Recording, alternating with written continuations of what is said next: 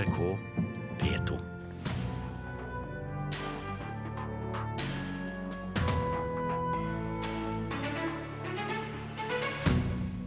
I 17 år har flere grunneiere på Toten vært i navnestrid med staten. Nå gir nytt lovforslag håp om løsning.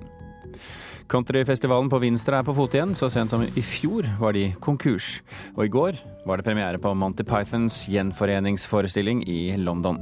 Is your wife a goer, eh? Not I mean, not I mean, nudge, nudge, not I mean, saying. Du hører på Kulturnytt med Birger Kolsrud Aasund i studio. I 17 år har flere grunneiere på Toten vært i navnestrid med staten. Men nå håper de på en løsning. Kulturdepartementet har sendt en ny stedsnavnslov ut på høring, og den åpner for at grunneier får bestemme selv hva navnet på gården sin skal være.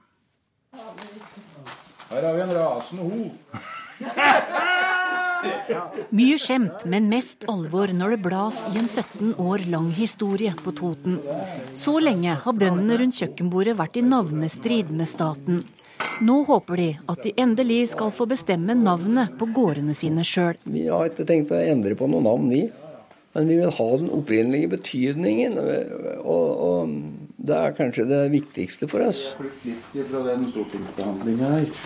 En ny stedsnavnslov er ute på høring, og åpner for nettopp det Johan Wem og de andre rundt bordet ønsker seg.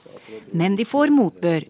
Gårdsnavn er ingen privatsak, mener Noregs Mållag. Vi mener jo at stadnavna er mellom de rikeste kulturhistoriske kjeldene som vi har. Og derfor så mener vi at stadnavnrøkt er et samfunnsansvar.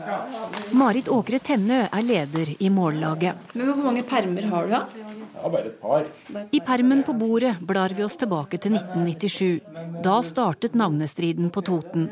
Kulturavdelingen i kommunen foreslo at 97 gårdsnavn ble endret.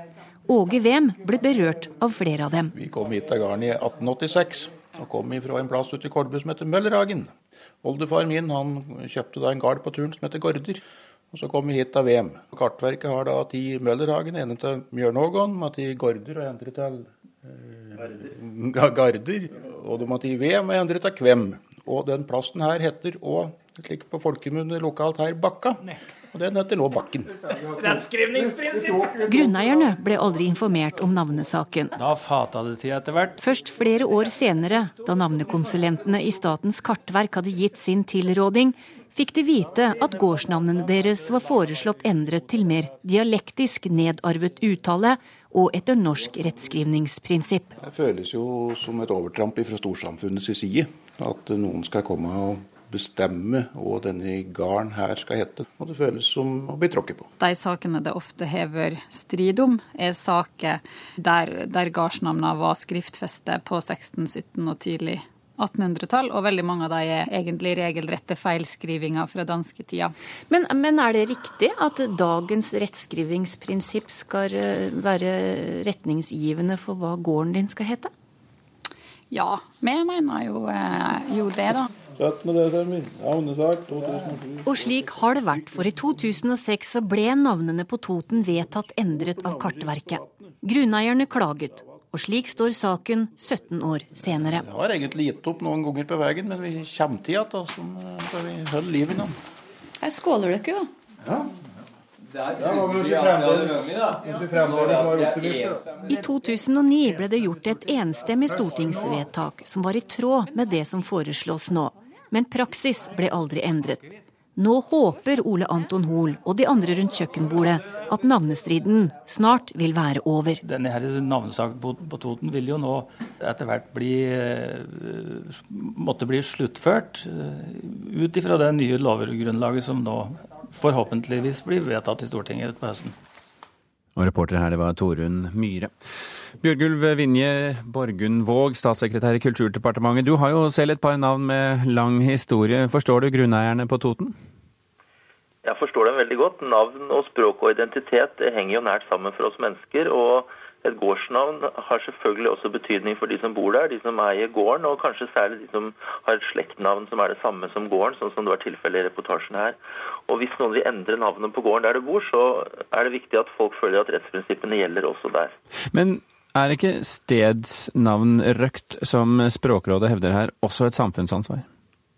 Det er det, men kulturminneaspektet ved et stedsnavn er ikke bare en bestemt uttale eller skrivemåte. Det er navnet som helhet, i sin kontekst og språklig utvikling, med forståelse, innhold og bruk. Det er den helheten som utgjør et kulturminne. Og så er det viktig å være klar over at i stadnavnlova så betyr gårdsnavn både navn på et område som er større enn en enkelteiendom eller et enkelt bruk, og en enkelteiendom eller et enkelt bruk. Og I dagligtale så forveksler vi ofte de to. Og Det som nå blir foreslått etter Stortingets enstemmige vedtak, det er en oppmykning om at hvor, hvor eier skal få lov til å bestemme navnet på egen gård. Men navnet på de større områdene skal fremdeles bestemmes offentlig, og de skal fremdeles være førende på andre navn der det offentlige gjør vedtak. Barnehager, boligfelt osv. Nå har altså disse eh, grunneierne kjempet i 17 år. Hvorfor er det en endring i loven på gang nå? Ja, altså Dette var et enstemmig vedtak som ble gjort i Stortinget 13.1.2009.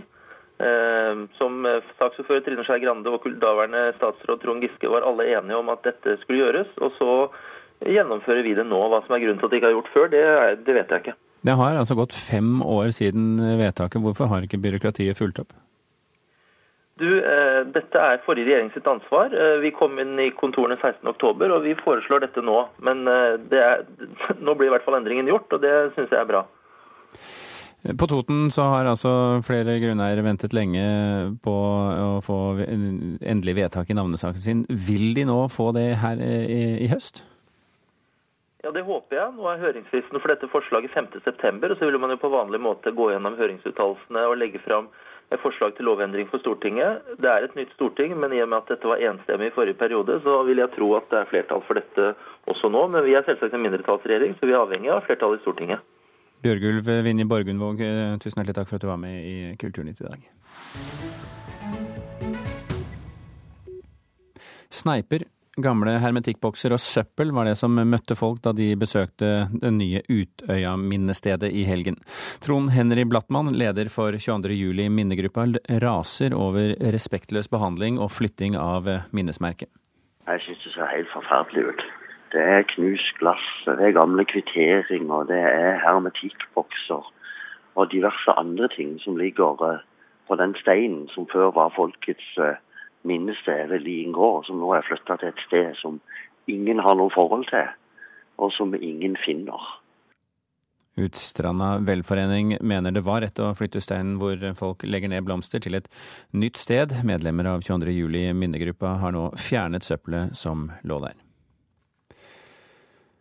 En lov som forbyr banning i film, bøker og teater trådte i går i kraft i Russland. Tidligere har myndighetene i landet forbudt banning i trykte medier, og den nye lovens formål er ifølge Kremls nettsider å sikre beskyttelse og utvikling av språkkulturen, som det heter. En følge av loven er at bøker som inneholder banning bare vil bli solgt i forseglede pakker påklistret en advarsel. Forbudet skal håndheves ved hjelp av en spesiallaget programvare som overvåker banning på internett. Og det kontroversielle kunstverket My Bed av den britiske kunstneren Tracy Emin ble i går solgt for 23 millioner kroner på en auksjon i London. Verket, som består av en uoppredd seng omgitt av tomme vodkaflasker, sigarettpakker og brukte kondomer, skapte debatt om samtidskunstens tilstand da den ble nominert til eh, Turner-prisen tilbake i 1999. Kunstneren, som selv var til stede under reaksjonen, sier til BBC at salget gjør henne både trist og urolig, siden hun nå ikke vet hvor kunstverket hun er så glad i, vil havne. Nico og Vince klatrer på radiolistene i USA. Låten Am I Wrong er nå den tredje mest spilte poplåten på amerikanske radiostasjoner. I dag kommer den amerikanske Billboard-lista der duoen kan havne på topp tre, som de første nordmennene siden a-ha. Hi, Vince. Hei. Jeg presenterer deg altså, uh, Jeg presenterer deg hele laget. Et, uh, vous avez toujours vécu en Norvège? You, you guys always lived in Norway? Born in Norway, yeah. uh, raised in Norway. Nico Vince på promoteringsbesøk hos den franske radiokanalen Sky FM i går kveld. Frankrike er et av få vestlige land hvor Am I Wrong ikke er blitt en hit ennå. For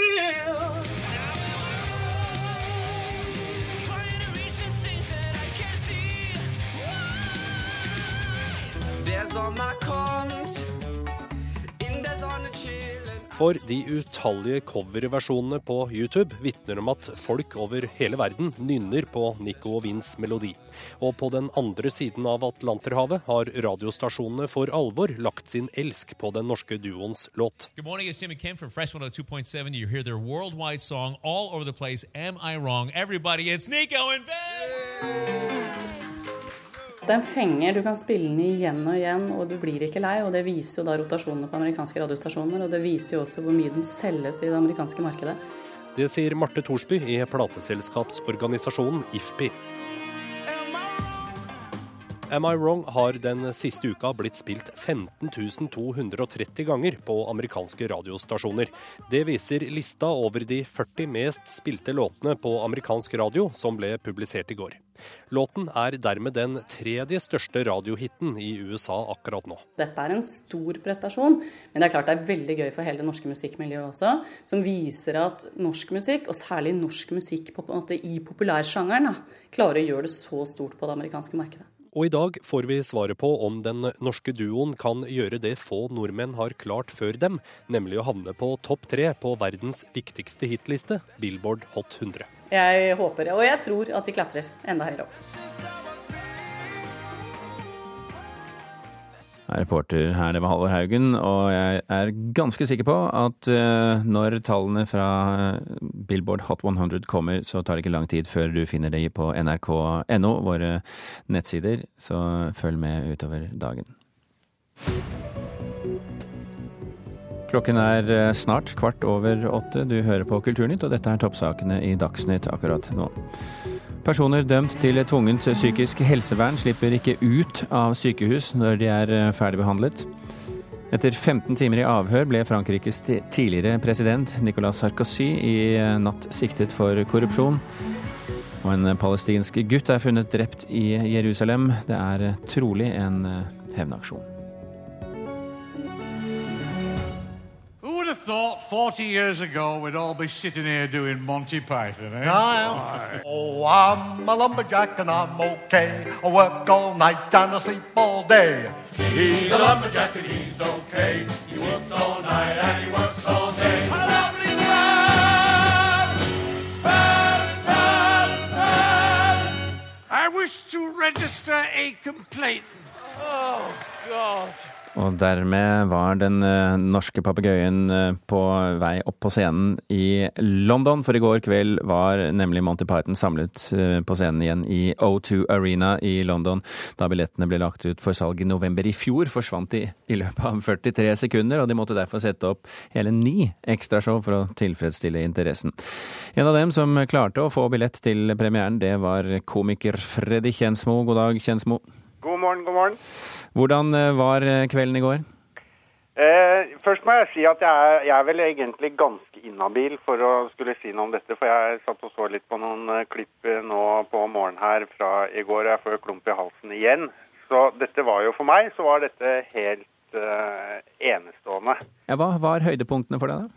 Du, det, det, var jo en forestilling med bare høydepunkter. Det begynte før de kom på scenen med et medley med alle de kjente sangene. For de kjørte jo med stort orkester og 20 dansere, og alt var koreografert, og de var forberedte og hadde øvd, og det var ingenting som var Det, det virket ikke noe halvgjort eller noe sånt. Dette var uh, et profesjonelt uh, levert show, da. Og så kom eh, etter en, en morsom eh, åpning med animasjonene til, eh, til Gilliam, bl.a.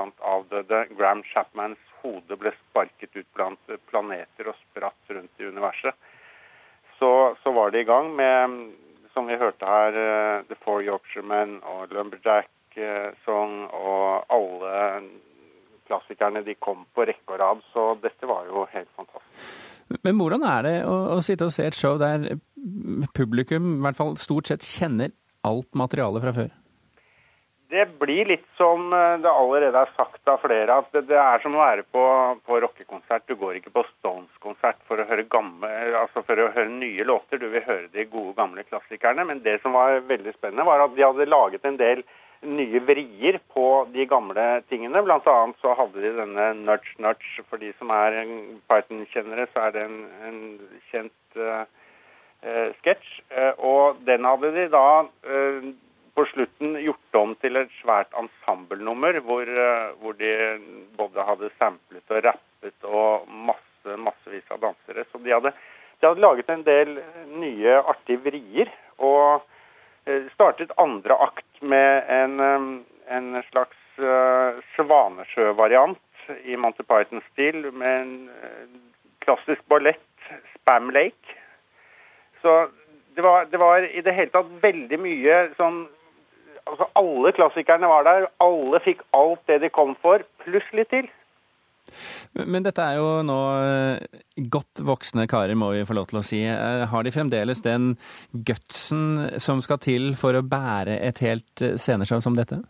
Ja, jeg, jeg syns det. Fordi at dette er jo profesjonelle mennesker til fingerspissene. Så de, de, som jeg sa innledningsvis, de har forberedt seg. Dette er ikke noe sånn at de bare kommer inn og er litt sånn slitne. De leverer deg energi der. Det er temperatur hele, hele tiden, og det er eh, koreografert. Og ingen snubler i teksten, ingenting. Det er, det er velforberedt, altså.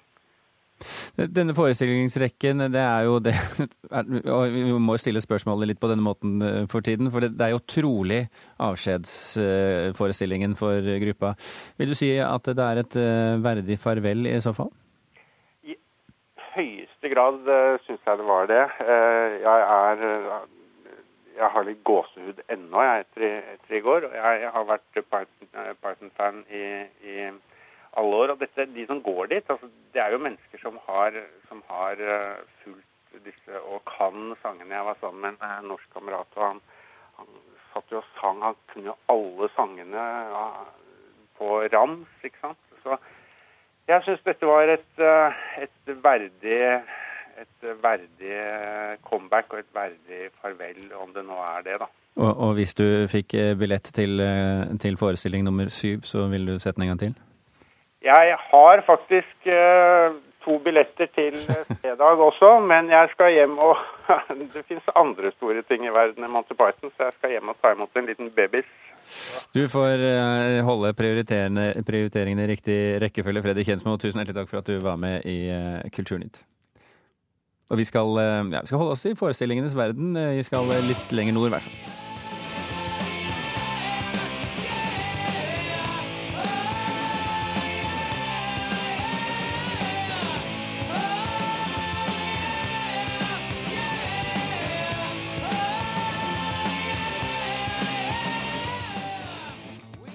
For går du litt lenger nord fra London, så kommer du kanskje eh, til eh, Arendal, til Tromøya, og i går kveld eh, sto det amerikanske punk-pop-bandet The Offspring på, Offspring på scenen under HV-festivalen der. Og som Kulturnytt fortalte i går, så skjedde det jo bl.a.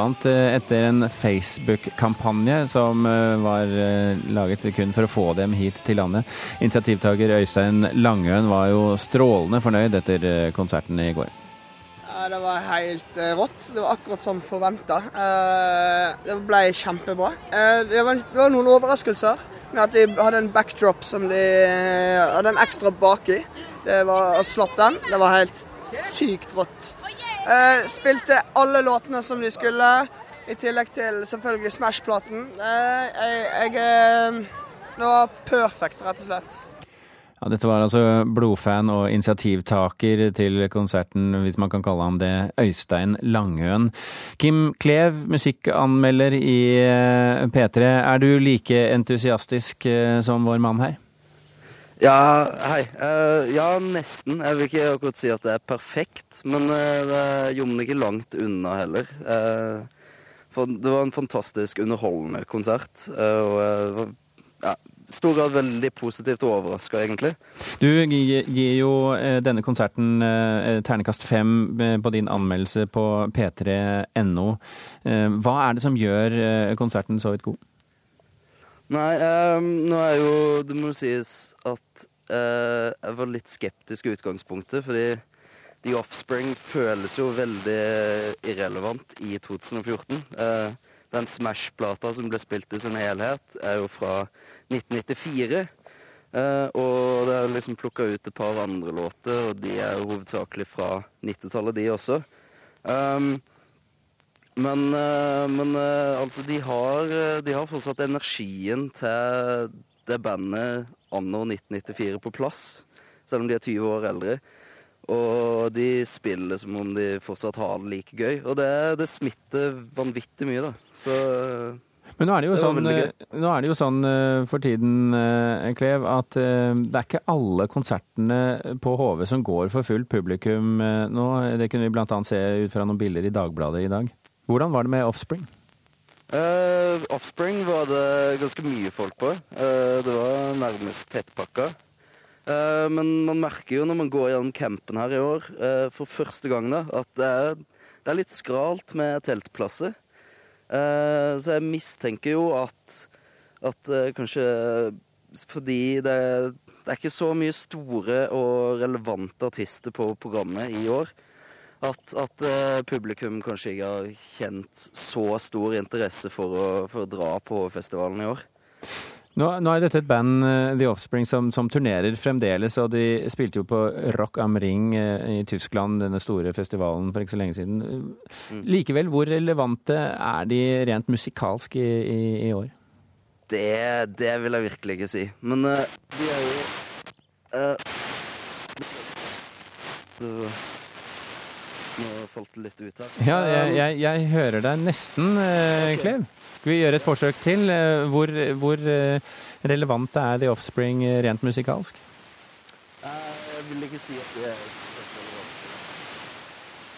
Ja, nå er det dessverre slik, Kim Klev, at den maskinen du snakker inn i, den motarbeider deg veldig. Og det er ikke noe du kan noe for. Sånn er bare teknikken noen ganger. Da vil jeg benytte anledningen da, til å anbefale våre lyttere å gå inn på p3.no. Der ligger hele anmeldelsen til Kim Klev, eh, musikkanmelder i P3, som eh, gjorde et heroisk forsøk på å komme gjennom suset fra Tromøya ved en, eh, en hov, men det gikk ikke så godt som eh, det kunne gjøre. Eh, Men altså, p3.no, der ligger anmeldelsen. Og siden vi er så godt i gang med forestillinger og musikk, tradisjonen tro er det countryfestival på Vinstra også i år, og det for 22. gang. Men det var ikke noen selvfølge, fordi eh, i fjor så gikk arrangørselskapet konkurs. Nå er et nytt selskap på plass, og entusiasmen er, eh, skal vi tro de som forteller oss eh, det de forteller oss, eh, større enn noen gang, og i dag åpner portene til festivalområdet.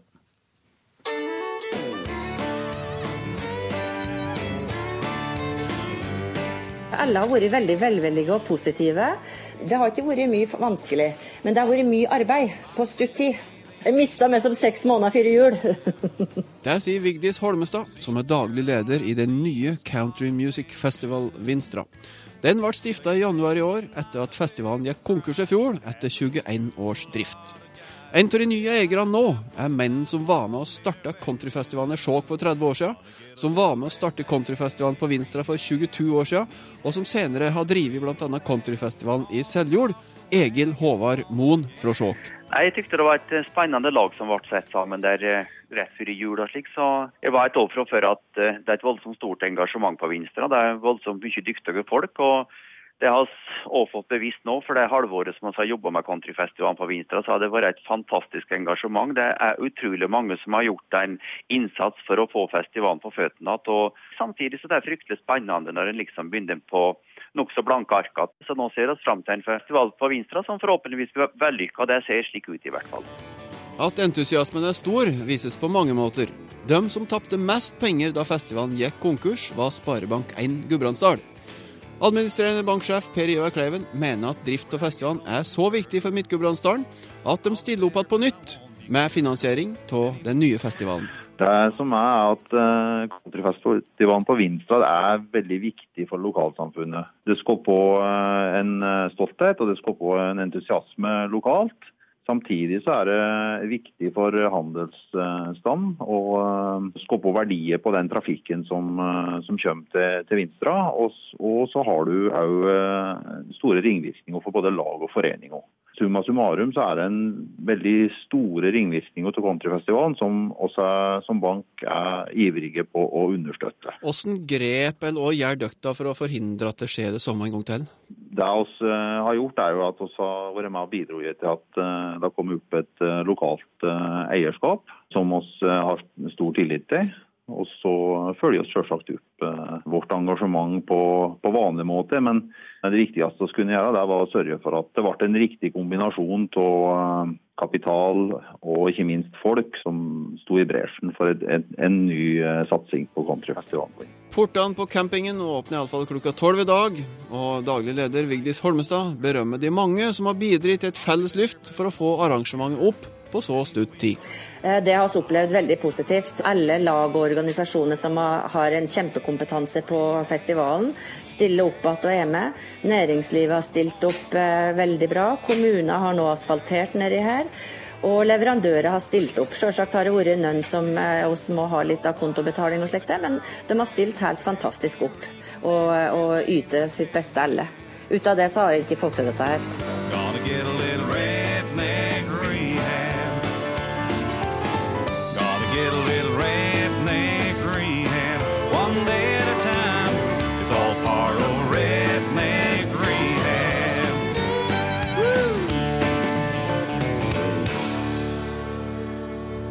Redneck Rehab Steff Nevers eh, til slutt, som eh, også er en av artistene som skal til Vinstra nå i helgen. Reporter det var Terje Gording Hong. Kulturnytt er slutt. I dag har vi fortalt at 17 års navnestrid på Toten kan være over. En ny stedsnavnslov er nå ute til eh, høring, og den åpner for at grunneiere selv kan få bestemme navnet på gården sin. Hanne Lunås, Espen Alnes og Birger Kolsrud Aasund gir nå stafettpinnen videre til Silje Sanne, som fortsetter med nyheter. Først skal vi høre litt om hva som skjer på P2. Hør flere podkaster på nrk.no podkast.